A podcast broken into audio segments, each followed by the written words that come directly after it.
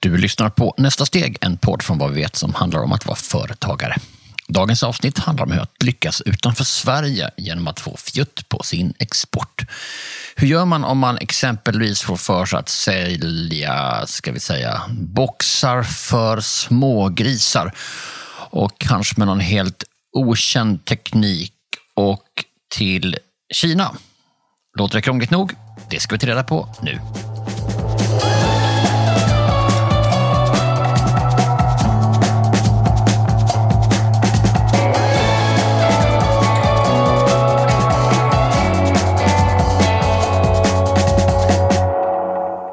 17 minuter från Visby, nästan rakt österut, finns Moving Floors, ett familjeföretag som både haft grisar och stora idéer.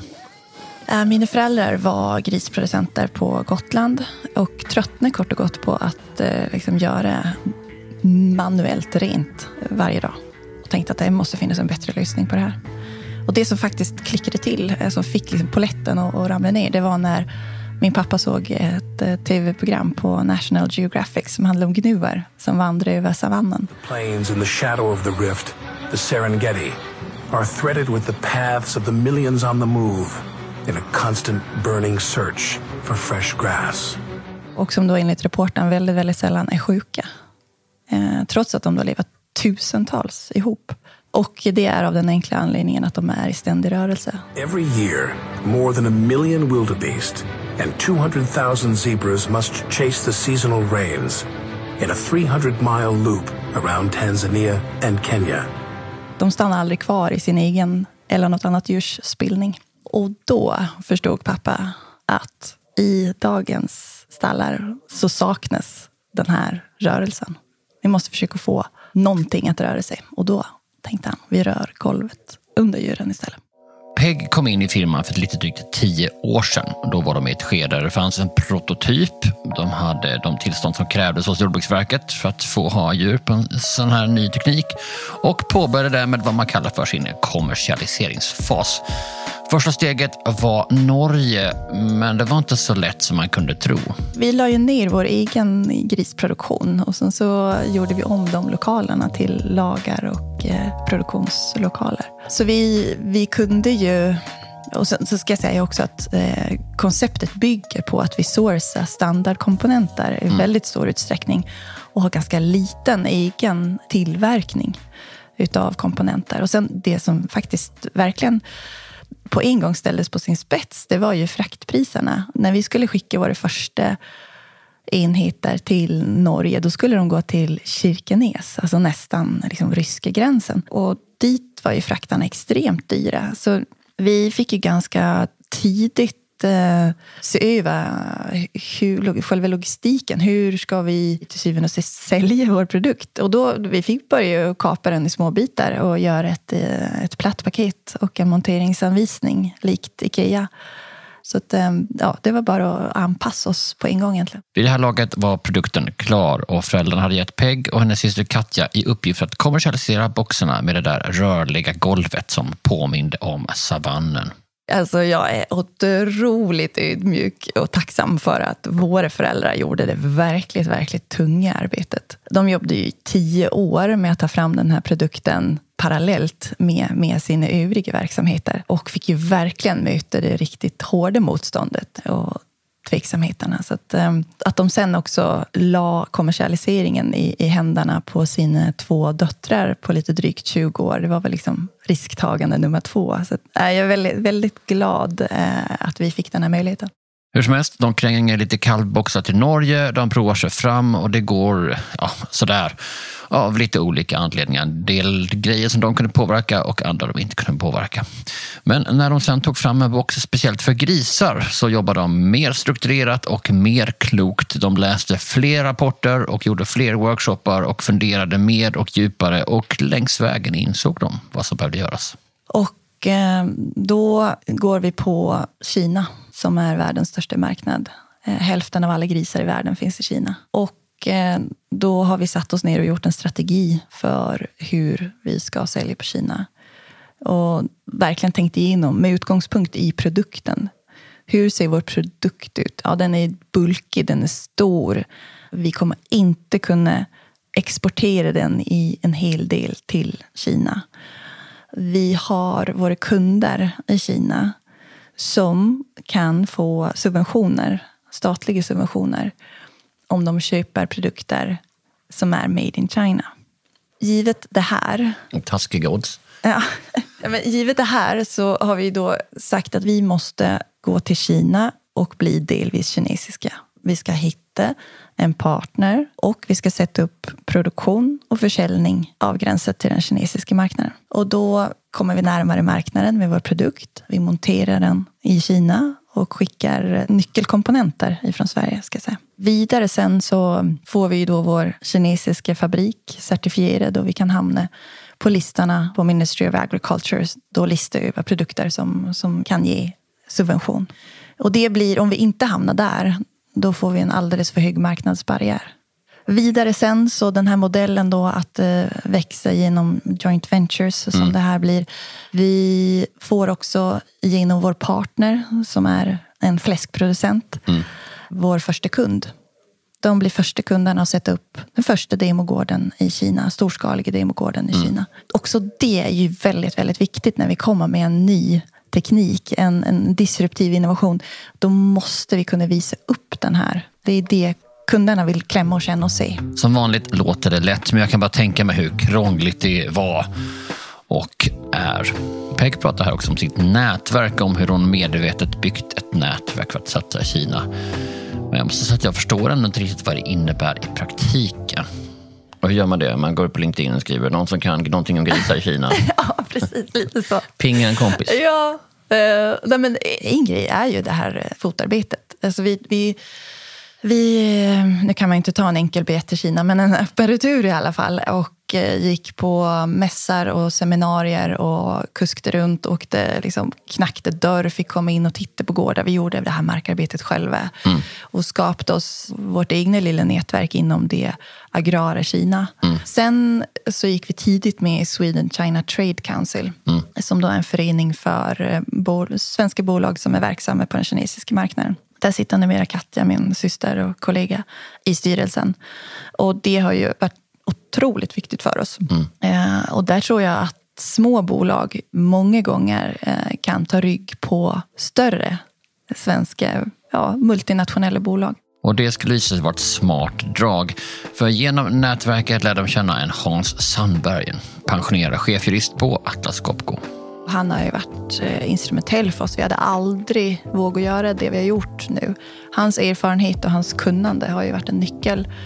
Eh, han har ju eh, uppfört joint ventures för Atlas Copcos räkning och massa andra legala enheter för den delen också. Och arbete hands-on i Kina från 80-talet och framåt. Så utan hans, att vi har kunnat hålla hand i handen hela mm. vägen hade vi aldrig vågat gjort det här. Hur får man honom att hoppa på en sån här grej då? Ja, det är ju faktiskt frågan. Ja, jag kan inte svara på det. Svaret på hur man tar sig in på en ny marknad på ett smart sätt är alltså att leta upp någon som redan har gjort det. Och kanske mer än en gång dessutom. Att rekrytera bland de lite äldre och erfarnare kan vara på något sätt lättare än att hitta någon mitt i karriären som ska byta. Alltså, vi har ju haft många mentorer genom åren och det tror jag nästan är, eh, gäller för samtliga utav dem. Att mm. de, de saknar hitluften lite. Det är väldigt bra, ett väldigt bra råd apropå liksom att hur man ska tänka när man ska bli en export. Ja, och det är bara att ringa. Alltså, det tror jag, det är förvånansvärt hur folk bara ställer upp. De tycker det är roligt att man ringer. Så där tror jag att har man någon som man är lite nyfiken på, som man tror skulle kunna bidra till ens verksamhet, ring bara. Jag ska säga här att Moving Floor ännu inte riktigt lyckats i Kina, men de har inte misslyckats heller. Men de hade inte, liksom inte riktigt lossnat på den här jättemarknaden. Så jag frågade därför Peg hur hon definierar succé. När vet hon att de har lyckats? Oh, om jag visste det. kanske ska fråga någon som har kommit lite längre än vad vi har gjort. Nej, men det måste stå i något av dina dokument, tänker jag. Någon powerpoint någonstans eller någon lapp. Det står inom så här så ska vi i Kina uppnått det här för att det ska vara mm. värt det. Ja, nej men jag tror att man måste bryta ner målen för sig själv och ser vad kan vi åstadkomma? Vad, vad är rimligt att, mm. att, vi, att vi uppnår? Och, och, sen, och sen försöka gå på det, givetvis. Mm. Eh, det, men där tror jag att man, man har så mycket igen om man verkligen har tänkt igenom och har byggt nätverket, du har gjort din strategi. Att du är så in i märgen liksom säker på vad det är du ska göra. Räcker det, tänker jag? Eller kan det lika gärna vara tecken på hybris, på bristande självinsikt rent av? På uppblåsta, orealistiska siffror? Absolut, men du måste fortfarande ha någon slags idé om hur många du ska sälja. Annars är det lätt att säga, ja, det finns ju skitmycket grisar i Kina, alla borde ju ha en sån här. Men ja. låt oss räkna, säga att bara en procent av alla grisar i Kina går på det här så blir det ju liksom en fantastisk succé. Alltså, det är så stor marknad och så stor potential liksom att vad man än kommer på sig, det här skulle kunna sälja på internet till mm. hela världen. Man lurar sig själv lätt i det. Uh, nej men jag tror för vår del då, partnern blir första kunden. Mm. Om kunden sen är nöjd med den första demon, då kommer de gå vidare. Och de här aktörerna i Kina, de bygger ett antal gårdar per år. Så får vi väl in vår produkt och de konceptualiserar sitt stallbyggande kring det, då kommer det kablas ut på riktigt. Har du inga siffermål? Siffermål? Jo. Ja, men så här, vi, ska, vi, vi, ska sälja 2500 eller vi ska liksom... För det låter på dig som att du inte har siffermål och det tycker jag är intressant. Därför att vad du också säger nu är ju egentligen så här, se till att kunden blir nöjd, punkt. Ja, det är ju det viktigaste. Ja. ja. Och sen, vi kan ju ha vilket mål vi vill. Du kan skriva dem på papper, ja, absolut. Men självklart har vi jag avbryter Peg och berättar att jag fascineras av hennes sätt att tänka där de viktiga målen inte tycks vara numerära utan kvalitativa. Och därför det så i, mot den bakgrunden passar det rätt intressant när du säger att ja, men, nu ska vi först göra det här och sen ska vi göra det. Därför att även om du inte vet hur det funkar så mm. vet du att ja, du behöver ha en nöjd kund, mm. du behöver ha en provgård, du mm. behöver någon som skalar. Yeah. Och gör du det yeah. så kanske det kan ge. Men utan de här tre kommer det definitivt aldrig bli något. Nej, precis. Och då har vi då med den här, liksom, i den här strategin så är det ju mm. att vi ska snabbt kunna skala upp när efterfrågan väl kommer där. För det blir liksom jätteviktigt mm. i Kina. Och att vi då sourcar standardkomponenter, att vi, har, att vi är så att säga asset light, att det inte mm. krävs. Vi ska inte bygga en jättestor fabrik, utan vi, vi kan hyra en fabrik och sätta upp en, en ganska modulär monteringslinje och lyckas liksom möta efterfrågan också då mm. geografiskt där den kommer i Kina. Så Peg Söderberg på Moving Floors. Och notera formuleringen här, när efterfrågan kommer till Kina. Inte om, utan när. Notera förresten också, kommer till Kina och inte kommer från Kina. För när efterfrågan tar fart måste man vara där. Då funkar det inte att sitta på Gotland och vänta på order. Man måste åka dit. För att sälja på plats är avgörande visar sig. Mer om det efter det här.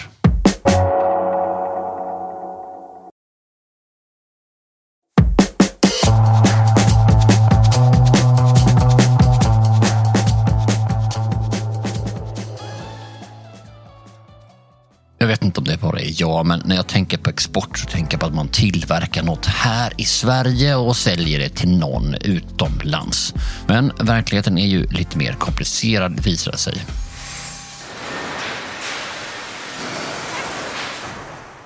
Visst, det finns saker som man kan göra här, eller rätt sagt som man kan låta robotar göra här och sen skicka utomlands. Men innan dess måste någon vilja köpa vad du nu tillverkar. Och för att göra det så måste du först åka dit. Du måste vara där. Så du måste hoppa på ett flyg. Du måste ta dig till Shenzhen eller var du nu landat. Ta dig in till en stan i en taxi, vilket ju alltid tar en evighet. Tro att man nästan är framme och upptäcka att det ändå är 10-20 minuter kvar. Det är alltid 10-20 minuter kvar. Men sen efter den där evigheten, när man äntligen lämnat väskan på hotellrummet, så är man där.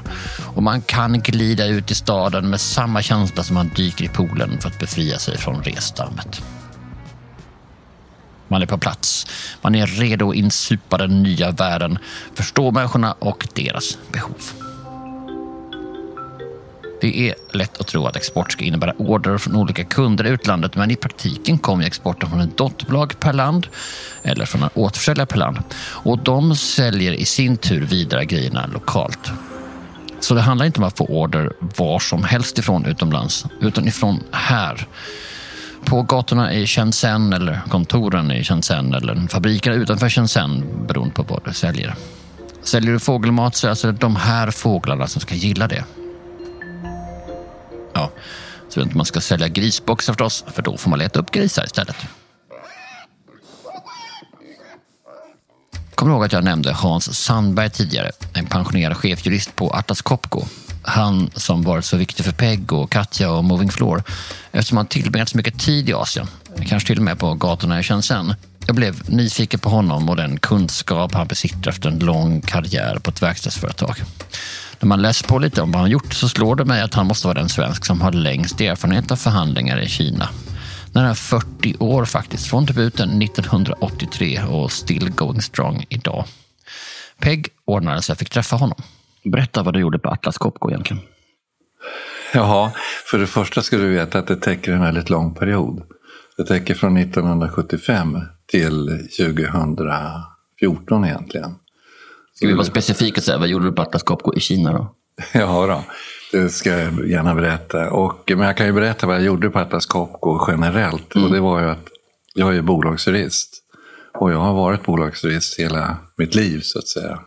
Så jag gjorde en karriär inom det, inom Atlas Copco. Så jag blev chefsjurist i USA först, 1980. Och sen blev jag chefsjurist för koncernen 1982.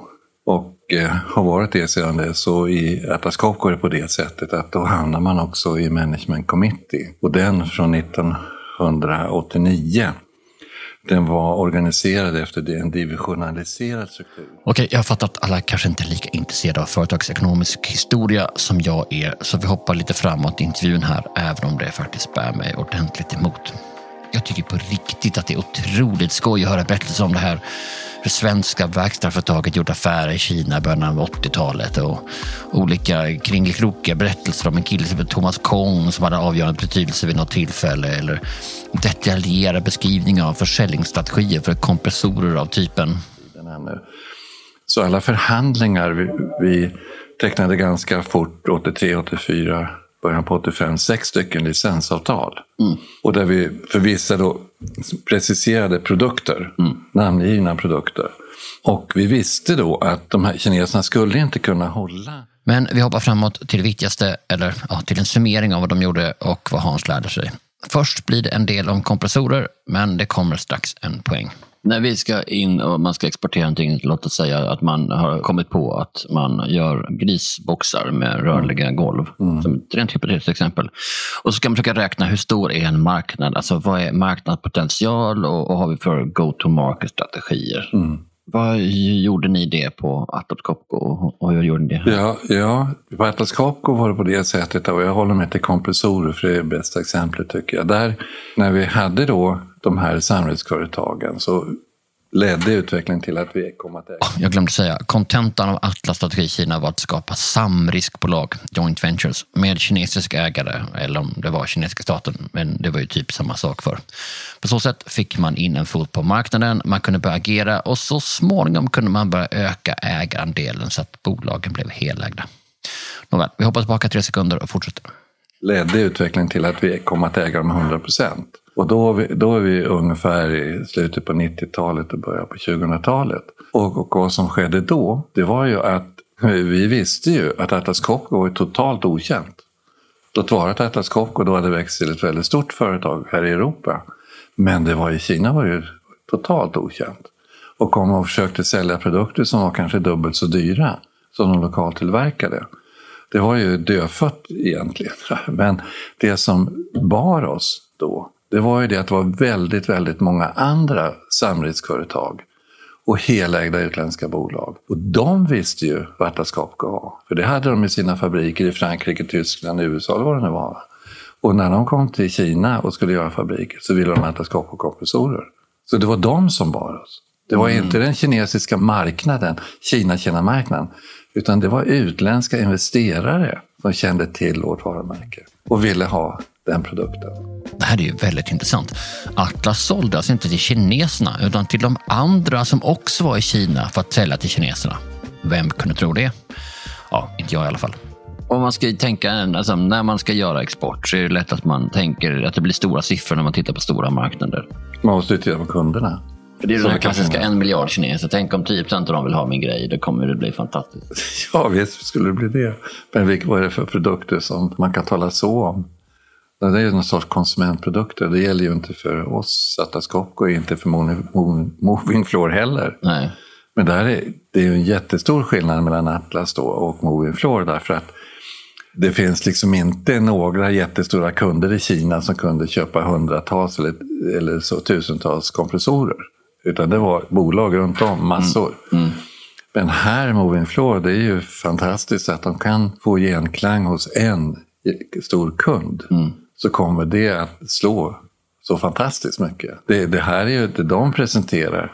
Det var ju lite grann vad vi trodde på också, att vi ligger ett steg före teknikmässigt. Även om vi är dyrare, även om vi är kanske lite annorlunda och så, så kommer man att, eh, att välja det här, man kommer att se fördelarna. Men jag sa i alla fall inte det. Att, och det kommer särskilt att märkas från de här utländska helägda dotterbolagen. För när vi gjorde den här strategin, då fanns det inga sådana. Det var 83. va? Mao dog 76. Det här var ju bara några år efter Deng Xiaopings tal om Ja. att öppna dörren. Så att det här var ju tidigt. Vid det här laget har du fattat att jag inte är någon som kan särskilt mycket om export. Knappt något alls faktiskt. Och det gör att jag kan ställa de riktigt grundläggande frågorna. Vilka fel gör man när man ska räkna på en marknad eller ska hitta en go-to-market-strategi? Ja, man missbedömer alltså marknadsacceptansen för den här teknologin man erbjuder, tror jag. Nu, nu håller jag mig till verkstadsprodukter, alltså jag vet ingenting om, om eh, konsumentprodukter. Det, det är en helt annan värld helt enkelt. Det. Hur tar man reda på vilken potential som finns? Jo, men det, det där har tjejerna, säger jag, Peg och Katja, gjort fantastiskt göra marknadsundersökningar. Så de vet på sina fem fingrar, de kan räkna upp de största gristillverkarna i världen. Och där är lite intressant då, därför att de är inte nationella, de är nationella i betydelsen att Atlas Copco är nationell svensk. Men de säljer och finns på alla stora marknader. Får man genomslag på en av de här stora, då är det jättelyckat. För man kommer inte, tror jag, att ha genomslag på typ 10 procent hos en stor grisproducent. Utan de har, som man säger, här rullande ersättningsplaner för sina stallar. Och det är där man måste komma in. Och där bör man helst komma in med 90 procent då. Just därför att det här är en ny teknologi. Det här, deras stallar måste, ska anpassas till det här. Hans pratar om kundfokus. Att export till en början inte handlar om att se till att någon kan köpa utan förstå varför de vill köpa. Både när han pratar om Atlas Copco och Moving Floor återkommer han gång på gång till det här med kundernas behov. Att liksom inte gå vilse i de stora siffrorna och låta sig förföras av sitt eget fluff, den här abstrakta potentialen. Utan att ta ett steg i taget, fokusera på det konkreta behovet och hur man kan tillfredsställa det. Och sen kunna visa att det funkar. Det får kunden att, och de, vi hör ju dem tala, det gör man ju här i Europa också, att vi vill se att det här fungerar. Vi vill se att det kan bli de här fördelarna ur emission och det här med antibiotika och vattenanvändning och sådär. Vi vill fysiskt komma och se och vi vill att ni visar på resultat från eh, universitetsledda utredningar och tester att det är så här. Därför att det är så stort kliv för oss att börja ändra våra stallar till mo- moving floor-teknologin och riskera att det inte fungerar om tre år. För vad gör vi då? Och det är detta kundfokus som är så roligt. eh, För det är någonting som jag tycker ofta saknas i eh, exporthistorier. Utan det blir potentialer. Det blir liksom, för det är någonting som jag märker när jag pratar med Peg också. Hon pratar ju inte om att vi går in i Kina. Nej. Hon pratar om att vi har verksamhet i Kina. Ja, mm. Och där ska jag försöka övertyga den här grejen. Alltså det är Ja. väldigt fokus på den kunden. Det är inte alls fokus på att vi ska, vara, det ska flyga i Kina. Nej, nej. Och det är det som är så fantastiskt alltså. I detta enorma land så är det just, vi, kan, vi tål att prata med kanske två eller tre samtidigt. Kunder. Och då gör vi allt för att lära känna den personen. Vad är det för personlighet? Vad är det för bakgrund? Hur kommer det sig att han kan tänka sig intressera sig för det här? Och eh, är det långsiktigt eller är det kortsiktigt? Och hur passar vi samman helt enkelt? Två, tre stycken bara? Ja, som vi kan verkligen ha den intima kontakten med. Den kanske varannan dag eller någonting sånt där. För att kunna verkligen följa med hur den personen tänker. Annars kan man tänka sig att man ska ut och jobba, ut på mässor, work the floor. Ja, visst. Det kan man göra när vi har fått någon att acceptera teknologin. När det finns en ära av acceptans runt mm. För då kan vi gå ut och säga, jag work the floor och säga, titta för han var jättenöjd. Exakt. Och, och då i våra planer, mer än någon sån här stor kund, det är att ha en demonstrationsfarm också. Så att de kan, folk kan komma dit. Och det är förberett för att de ska kunna komma dit och titta. Med tanke på hans breda erfarenhet så frågar jag nu Hansson vad han ser som det vanligaste och största misstaget som vi svenskar gör när vi försöker exportera våra grejer. Jag tror att det största misstaget, det kanske inte är lika markant nu som förut, är att om vi går tillbaka till 80-talet då var ju många svenskar helt eh, övertygade att de var bäst och vackrast och på alla sätt och vis. Och nu är, är det ju, har vi allt fler insett att det, det är vi inte. Vi måste vara mer ödmjuka och, och titta på kunder och inte prata så mycket siffror och, och, och overhead. Så jag tror inte på det. Man måste ut och, och, se hur det ser ut och prata med folk. Och lära. Det är så väldigt mycket i att försöka förstå människor. Mm. Det är där den stora utmaningen är. Ja, det är liksom deras behov på något sätt. Inte... Ja, visst. Det är inte mina behov. De skiter väl i mina behov på rätt svenska. Som sagt, man förstår verkligen vilken nytta som Peg och hennes syrra har haft av Hans erfarenhet och kunnande. Han får ju allt att låta så självklart. Men what's in it för honom? Jag frågar. Vad fick dig att hoppa på och börja jobba med Moving Floor? Borde inte du vara liksom färdig och mata duvorna? Jo, jag är 75 år. Ja. Så jag borde ha matat duvorna 10 år. Ja. jag jobbade tills jag blev 77 eh, på Atlas då. Och sen så och då jag, visste jag alltså att jag måste ändra min livsinriktning mm. helt och hållet. Mm. Det går inte att lämna. Då har jag suttit i koncernledning för Atlas i 25 år. Mm. Så att de sista två åren, då lyckades jag få tillstånd att jag fick lämna mina tjänster, mina befattningar, ta bort mm. stjärnor och vinklar. Mm. Och så jobba som bolagsjurist mm. enbart. Och det är, det är det jag tycker om. Syssla med avtal och förhandla runt om i världen. Och så gjorde jag det i två år. Ja, sen stod jag där igen då, men då blev det så lyckosamt att jag fick ett uppdrag från eh, Water for All. De är en personalorganisation som samlar in pengar för mm. att göra brunnar runt om i världen. Mm. Där Hans tog på sig att styra upp administrationen och lite annat som volontär. Vilket han gjorde i tre år. Och när det var slut, ja, då ringde telefonen och det var Pegs syster Katja. Och frågade om vi kunde äta lunch. För att de, hon ville diskutera då en strategi för Kina. Hon hade frågat efter någon svensk jurist som hade erfarenhet av Kina. Och, mm. och då hade de sagt att jag pratade med Hans. Då så träffade jag henne, jag träffade Peg, jag träffade deras pappa, för mm. levde då. Och eh, jag gillar produkten.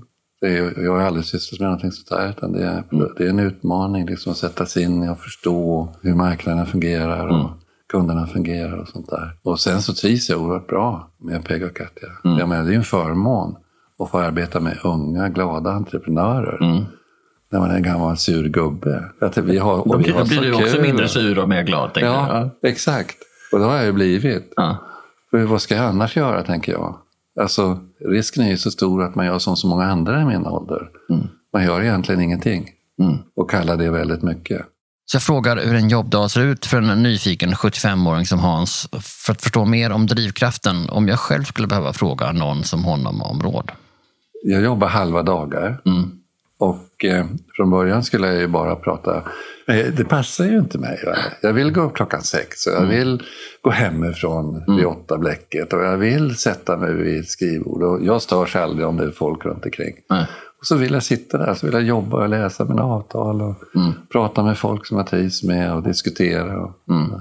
det, det, vi är olika. Jag pratar mycket om det, liksom, att våga mm. fråga folk som gjort det här redan. Mm. Fråga inte folk mitt i karriären, för ja. de kommer ju aldrig vilja byta någonting. Nej. Men plocka in folk som redan har gjort massa saker. Jag, vet. Kan säga, liksom. jag, vet. jag är ju typexempel. Mm.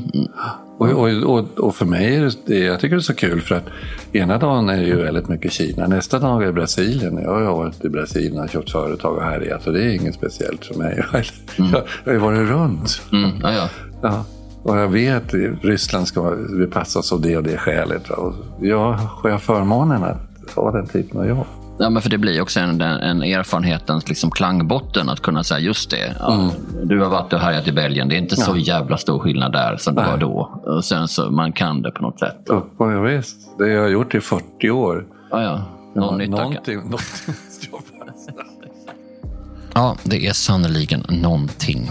Det var Hans Sandberg, expert på export med lång erfarenhet av förhandlingar i Kina och många andra ställen idag som rådgivare till Moving Floor. Eftersom Almi är vår samarbetspartner i den här säsongen av Nästa steg får jag nu ringa en rådgivare. Och valet var enkelt för mig för det föll på Thomas Isaksson på Almi i Visby som följt Moving Floor sedan starten för 20 år sedan. Hur identifierar man vilken marknad som är bra? Om man står och väljer mellan att gå in i ett land eller i ett annat land? Det kan ju vara på det sättet att många gånger när man träffar en potentiell köpare då frågar de så här eh, Hur säljer ni på er hemmamarknad? Och har man då sålt väldigt dåligt där då kanske de blir lite tveksamma men i och med att man börjar tänka globalt ifrån början då i företaget Moving Floor så kan man ju se här att man ställde ut bland annat på Eurotir i Tyskland och man var med på Elmia i Jönköping. Och då kunde man ju ganska tidigt se att det fanns ett stort intresse från utlandet. Och eh, det gjorde väl också att när man var med på de här mässorna då såg man, kunde man identifiera vissa marknader som var intressanta. Så det var väl ett sätt som gjorde det här och sen la man ju också pusslet att man gick ju igenom de här, man hade identifierat ett antal marknader med hjälp bland annat utav det här advisory board. Och sen började man gräva sig neråt och titta på hur stora var de här djurpopulationerna på respektive marknad. Ja, det är ju det här att gå på mässa som man ju, eller ställa ut på mässa och finnas där som ett bra sätt att skaffa sig en uppfattning om vad det är. Och sen kan man ju också säga det att eh, är man lite smart på den här mässan så kan man ju faktiskt göra på det viset att man går runt till de här potentiella samarbetspartnerna och bjuder in dem till sin egen mässmonter. Jag frågar Thomas om det här med att kunna visa att produkten är bra. Vi har ju hört om vikten av att skapa testanläggningar, men innan man kommer dit, hur ska man då bevisa det? Och det som hände egentligen här, det var ju att man såg ju att här på Gotland då när man körde igång det här att tillväxten var ju bättre. Man använde mindre antibiotika och ammoniakavgången var ju betydligt lägre i de här stallarna. Men det här var ju nästan lite för bra för att vara sant. Och då är frågan, tror kunden på de här argumenten? Och då gjorde man ju också som så tidigt att man inledde samarbete med olika forskningsinstitut och universitet för att få någon form av verifiering på de här antagandena som man hade gjort. Det där är ganska roligt. Det är för bra för att vara sant. Faktiskt. Tänk den som hade sådana produkter. Ja, men det är ju inte lätt heller. Va? För att det gäller ju att det räcker ju inte med att argumenten är sanna. De ska ju liksom låta sanna också. Ja, och är det viktigare utomlands än i Sverige att man har den här akademiska kopplingen? Någon som har studerat och forskat? Eller är det... Jag tror att det är lika viktigt både på den svenska marknaden och den utländska för att de som köper den här produkten, alltså slutkonsumenten, de kan det här med jordbruk. Så att man måste nog kunna verifiera för hela den globala marknaden. Thomas har ju också jobbat med andra exportbolag, så jag frågar honom om vilka vanliga fel folk gör när de börjar snegla på utlandet och anar en potential. Ja, det är väl många gånger att man tror att det är betydligt lättare att sälja utomlands än vad det är, utan man måste göra sin hemläxa. Och då tror ju jag att eh, vad man ska göra som nummer ett, det är ju att kontakta sitt lokala Almi-kontor och eh, börja prata export med dem och sen också eventuellt ta kontakt med Business Sweden och sen se vad kan sådana här organisationer ge mig för råd och stöd i min utlandsetablering eller när jag vill ge mig ut på nya marknader. Så att egentligen ta råd så att säga för att eh, det här kommer att kosta pengar och det gäller ju på något vis att hålla nere sina kostnader så ta råd. Prata med någon som har gjort den här resan tidigare mot den här marknaden. Det kan ju också vara lätt att bli förtjust när man hittar en samarbetspartner. Men är det något särskilt man ska se upp med? Jag undrar om Thomas har några mer skick? Då skulle jag vilja skicka med det här att identifierar man en bra potentiell samarbetspartner så måste man ändå börja fundera över vad har den här samarbetspartnern i sin produktportfölj idag? Är det på det viset att våran produkt kan kannibalisera på hans egna produkter så att han på något vis vill teckna ett avtal med oss och sen bara lägga vår produkt i skrivbordslådan och på så sätt eh, har blivit av med en konkurrent. Men tror man ändå på det här så skulle jag ju vilja säga då att man sätter någon form utav mål för den här samarbetspartnern så att man hela tiden utvärderar mot vad han har sagt tidigare. Sa Thomas Isaksson på Almi på Gotland. Som företagare har jag lärt mig det mesta genom att lyssna på andra. Så vilken företagare som går i exporttankarna tror du skulle uppskatta dagens avsnitt? Använd dela-knappen här i poddappen och välj om du vill messa eller mejla eller rad andra sätt att förmedla det här. Om du tänker dela sociala medier, då ska du använda hashtaggen nästa steg. Missa inte nästa avsnitt, klicka följ eller prenumerera här i appen så får du avsnittet så fort det släpps. Jag vill också tipsa om att följa den här poddens konto på Insta, kallad www.foretag. Där vill också dela med oss av knep som inte får plats i podden alla gånger. Tack för idag. Nästa vecka är det dags för ännu ett avsnitt när vi följer en företagare som är på väg att ta nästa steg. Kanske just det steg som du funderar på. Men till nästa gång, ta hand om dig och fundera på om det också finns kunder utomlands som skulle ha nytta av din produkt. Tjingeling!